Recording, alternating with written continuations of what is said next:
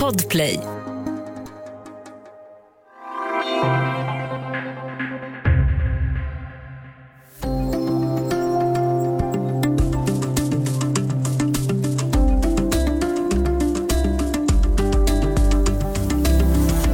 Det högerextrema partiet Alternativ för Tyskland vill strypa invandringen, lämna EU och menar att klimatförändringarna är bluff.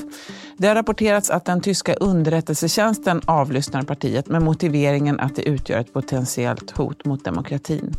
Efter ett år då allt fokus har legat på pandemin stiger AFDs opinionssiffror sakta igen.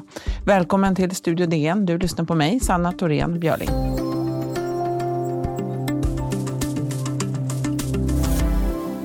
Ja, anti-etablissemangspartier långt ut på högerkanten finns i många länder och på många håll har de också vuxit sig starka.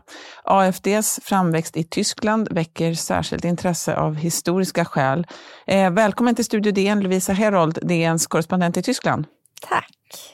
Du, eh, har um, våren kommit till Berlin än? Eh, ja, det, den kom i februari men sen försvann den tyvärr. Så nu har det varit kallt eh, ett litet tag men vi hoppas att det snart svänger igen. Mm, hoppas det. Eh, du, efter kriget så förbjöds ju nazismen i Tyskland ehm, på ett sätt som är ganska speciellt. Hur ser den där lagstiftningen ut? Ja, ehm, precis efter kriget så ville man ju se till att det inte skulle kunna hända igen, att högerextrema krafter skulle kunna komma till makten. Och vid 45 där, precis efter krigsslutet, då förbjöd man bildningen av partier med högerextrem agenda. Och sen så ändrade man konstruktionen lite grann för det genom att införa något som man kallar för författningsskydd författningsskyddet eller Bundesamt för Verfassungsschutz en eh, underrättelsetjänst då som kunde kontrollera olika grupperingar, rörelser som riskerade att hota demokratin. Och de hade då möjlighet att övervaka sådana rörelser. Och om man landade i att det här, var, det här fanns ett reellt hot mot den tyska demokratin, då kunde partierna förbjudas. Just det. Hur har högerextremismen utvecklats sedan dess då, i stora drag? Ja, man kunde ju tro att man har, hade lärt sig av andra världskriget, men tyvärr blir det ju sällan så. På 60-talet så grundades ett nynazistiskt parti som kallades för NPD, som sen lyckades ta sig in i flera parlament i västra Tyskland. Och de ville bland annat då att bara tyskar skulle kunna ha vissa yrken. Ehm, och det här partiet har övervakats under perioder, men till slut 2017 faktiskt så lades utredningarna ner när man bedömde att det här partiet inte kan utgöra ett verkligt hot mot demokratin. Just det. Och det parti vi ska prata om idag, Alternativ för Tyskland, eh, grundades 2013. Eh, när det grundades, då, vad var det för parti då? Ja, då var det ett motståndsparti mot eurounionen. Alltså, man, man, de heter ju alltså Alternativ för Tyskland och det var en motst ett motstånd då mot Angela Merkels tal om att rädda Grekland efter eurokrisen. Och hon sa att det fanns inget alternativ till det här och det ville det här partiet då protestera mot genom att bilda ett parti med motsatt inriktning. Men sen dess så har det ju hänt ganska mycket. Partiet har vuxit, eh, men hur starkt det varierar ju väldigt mycket över Tyskland. Eh, och det är starkt särskilt i gamla Östtyskland. Eh, vad beror det där på? Ja, det är ju intressant. Det finns ju flera eh, historiska skäl till det. Dels en Eh, mer utbredd misstro mot regeringen, att de där uppe vill oss inte väl. Ehm, sen har ju invandringen varit mycket mindre till östra Tyskland än till västra Tyskland. Ehm, många människor har en känsla av att de inte vinner på den här globaliseringen, att eh, ekonomin inte vinner på det. Man är orolig för en utveckling som man inte känner sig som en del av. Just det. För att man ska komma ihåg att invandringen har blivit den stora frågan kanske för, för AFD. Eh, du var inne på det lite. Vilka väljargrupper är det som attraheras av, av deras budskap? Ja, det handlar ju mycket om det här motståndet mot globaliseringen, motståndet mot invandring. Ehm, företrädare för partiet pratar ibland om asylturism, om massinvandring, om en kulturell härdsmälta pratade någon om på den senaste partidagen. Och den här typen av eh, motstånd då mot eh, vad man ser som ett Tyskland i, i förändring, en kultur i förändring. Det är många då som eh, är emot då som, som väljer det här partiet. Just det. Efter förra valet 2017 så fick de ju nästan 13 procent nationellt.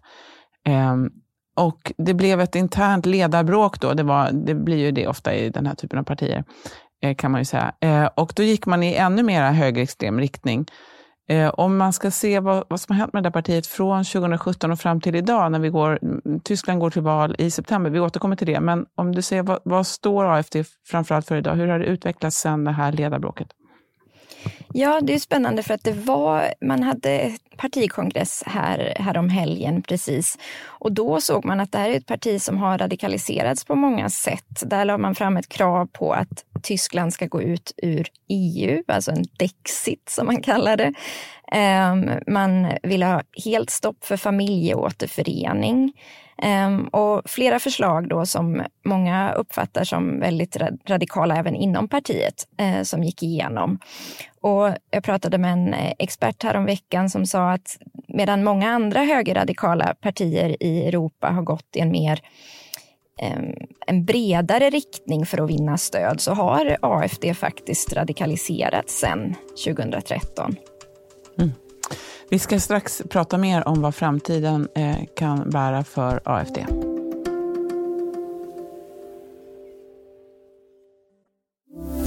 Studio DN idag med Lovisa Herold som är DNs korrespondent i Berlin. Vi pratar om AFD, Alternativ för Tyskland. Ehm, det här partiet har ju då dragit till sig den tyska underrättelsetjänstens intresse. Ehm, varför då? Ja, ehm, den här underrättelsetjänsten har ju då till uppgift att övervaka rörelser som skulle kunna hota den tyska demokratin. Ehm, och det finns flera exempel på hur ledamöter då från partiet har uttryckt sig som har eh, väckt underrättelsetjänstens uppmärksamhet. Eh, en parlamentsledamot har pratat om en smygande utrotning av den tyska befolkningen. En annan har kallat barn som flytt till Tyskland för riskfaktorer. Och en partimedlem har skickat bilder på hit Hitler hakkors eh, och maskingevär till en medarbetare eh, och påstått att det var någon sorts utbildningsunderlag. Och de här partiledamöterna har ju inte uteslutits. Ehm, så det är bara några av de exempel på hur ehm, ledamöter har uttryckt sig väldigt radikalt. Det, finns det någon debatt kring själva, själva avlyssningen eller eh, accepteras det att den görs? Nej, det finns en stor debatt kring avlyssningen och det som är lite krångligt är att tyska medier de rapporterade att eh, den här avlyssningen ska ske. Och det betyder alltså att man först har lyssnat, man har först granskat öppna källor från partiet, alltså eh, mötesprotokoll och marknadsföring. Och sen då sagt att ja, men det här har skärpt våra misstankar om att det här partiet utger ett hot mot demokratin. Men innan dess så hade AFD fått igenom ett beslut om att underrättelsetjänsten inte fick berätta det här, för det skulle kunna missgynna partiet då i valrörelsen. Det är ju val då i Tyskland i september. Och i och med att det här läcktes till medierna, då förbjöds underrättelsetjänsten att tala om AFD som ett hot mot demokratin. Så nu är det oklart, nu ska det avgöras i överdomstol om de faktiskt får övervakas och hur eh, om det får ske öppet, alltså om man får prata om det överhuvudtaget. Men alla vet att det förmodligen sker? Ja, i flera delstater i Tyskland så sker det redan. Ehm, men just på nationell nivå så är det fortfarande ett väldigt oklart läge. Men du, eh, AFD, det finns ju hittills i alla fall inte på någon större nivå något samarbete med andra partier. Hur, hur har andra partiledare uttalat sig om AFD? Ja, eh, precis. De isoleras ju av andra partier. Det finns ingen som säger öppet att de vill samarbeta med dem. I delstaten Thüringen så ledde det här till en eh, kris inom eh, det kristdemokratiska partiet CDU, alltså Angela Merkels parti. Ehm, när CDU tillsammans med AFD, inte organiserat tillsammans, men de röstade på en eh, viss eh, ledare i delstaten som även AFD röstade på. Bara det såg som ett övertramp. Eh, så det är ingen som egentligen vill närma sig det här partiet. Än i alla fall då. Eh, statsvetare som du har pratat med också, de pratar ju också om att det här skulle kunna vara ett hot mot demokratin. Hur, hur uppfattas det, hur tolkas det av, av forskare och andra som står liksom kanske utanför partipolitiken? Ja, flera statsvetare som jag har pratat med de säger att man ska inte sticka under stol med att det här är ett högerextremt parti. Det är ett parti som inte vill att alla människor ska vara en del av det tyska samhället. Som säger att islam inte tillhör Tyskland eller inte är en del av Tyskland. Så man varnar för det här partiet och menar att det är faktiskt ett hot mot demokratin oavsett vad det formella beslutet från underrättelsetjänsten eller förvaltningsdomstolen blir. Mm. Vad säger väljarna? Alltså hur, hur, jag menar både de som röstar på dem och kanske också de som inte röstar på dem. I, eh, bryr de sig om det här förflutna? Ser man det som ett väldigt stort hot eller ser man det som att ja, man ska bara titta på vad som står i partiprogrammet just nu? Eller hur uppfattas det? Bra fråga. Ja, en person som jag pratade med sa att det är ett problem att vissa unga medborgare i Tyskland aldrig har upplevt något annat än demokrati och man tror inte att något annat kan komma. Och vissa ser ju sin röst på AFD som en missnöjesröst. Man är, man är kanske missnöjd nu under coronapandemin har de gått framåt efter att först ha, ha dippat samtidigt då som stödet för regeringens coronapolitik har minskat. Så om man är missnöjd med etablissemanget, med de eh, etablerade medierna, så finns det de som är beredda att välja AFD. Men mm. samtidigt då så kommer ju varningarna från andra politiker och från statsvetare för vad det här partiet står för. Mm. Vi ska säga någonting också om, dem, om ledarskiktet just nu. Det finns flera intressanta personer där i, som representerar lite olika falanger eller inriktningar kan man säga. Kan inte du berätta lite om dem? Precis, på partidagarna så klev en gammal känd person fram, Björn Höcker, som har lett partiet i Thüringen och står för en högerradikal linje. Han har sagt att han ska rädda Tyskland, eh, varit en del av den här flygen som är en mer högerextrem falang i partiet som numera är förbjuden. Eh, och drev bland annat då de här frågorna om stopp för familjeåterförening. Um, det var väl han vi... också som sa, förlåt, att, han, mm. att man skulle vända 180 grader från minnesmonumenten i eh, över förintelsen, över kriget. Att man Precis. tyckte att det där var ju inget eh, Som kallade det för en skam, skam för Tyskland. Precis, och det här är ju då otroligt känsliga frågor i Tyskland, så det har ju väckt jätteskarp kritik.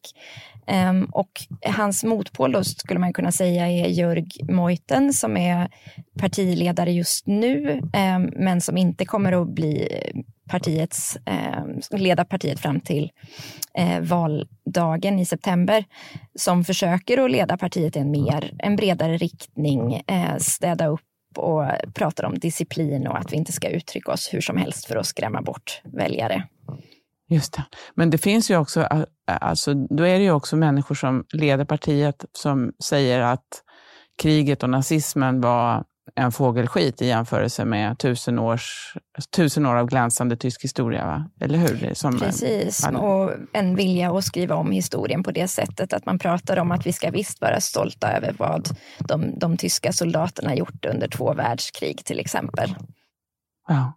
Vad tror du då avslutningsvis, vad tror du eh, blir avgörande för hur det går eh, i valet i höst, alltså i september?